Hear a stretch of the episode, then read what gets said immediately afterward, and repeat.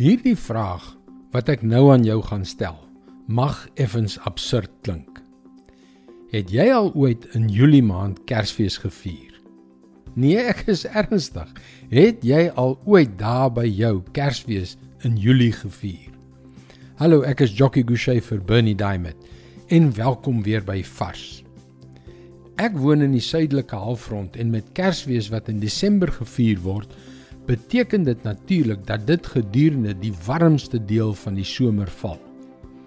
En nou het sommige restaurante hier by ons besluit om in Julie, wat vir ons die koudste maand van die winter is, 'n Kersfees in Julie ete met al die tradisionele kosse en garnering aan te bied, sodat ons daardie maaltyd te midde van die kouer weer kan ervaar. Raar, maar waar. En dit het my in die dink gesit.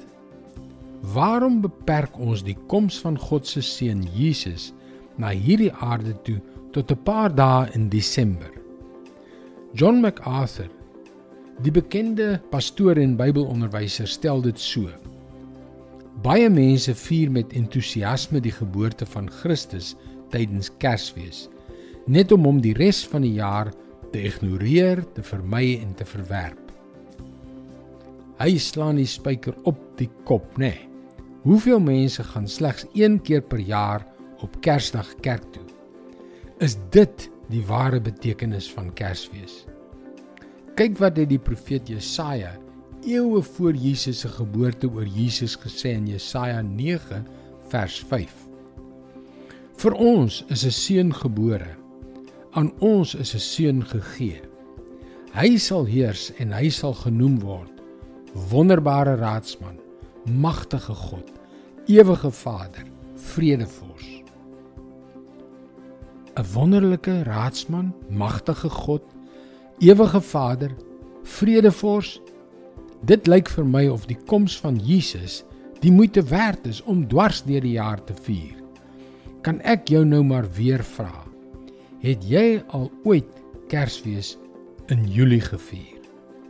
Dit is God se woord vars vir jou vandag. Weet jy, wat ook al in jou lewe aan die gang is, is God gereed. Jy hoef nie te wag vir die 25ste Desember nie. Hy is gewillig en hy is in staat om vandag in te tree en jou te red en te help. Indien jy na vorige vars boodskappe wil luister, hulle is ook almal op potgooi beskikbaar. Soek vir vars vandag op Google of op potgooi platforms so Spotify. Skakel weer môre op jou gunstelingstasie in vir nog 'n vars boodskap. Mooi loop. Tot môre.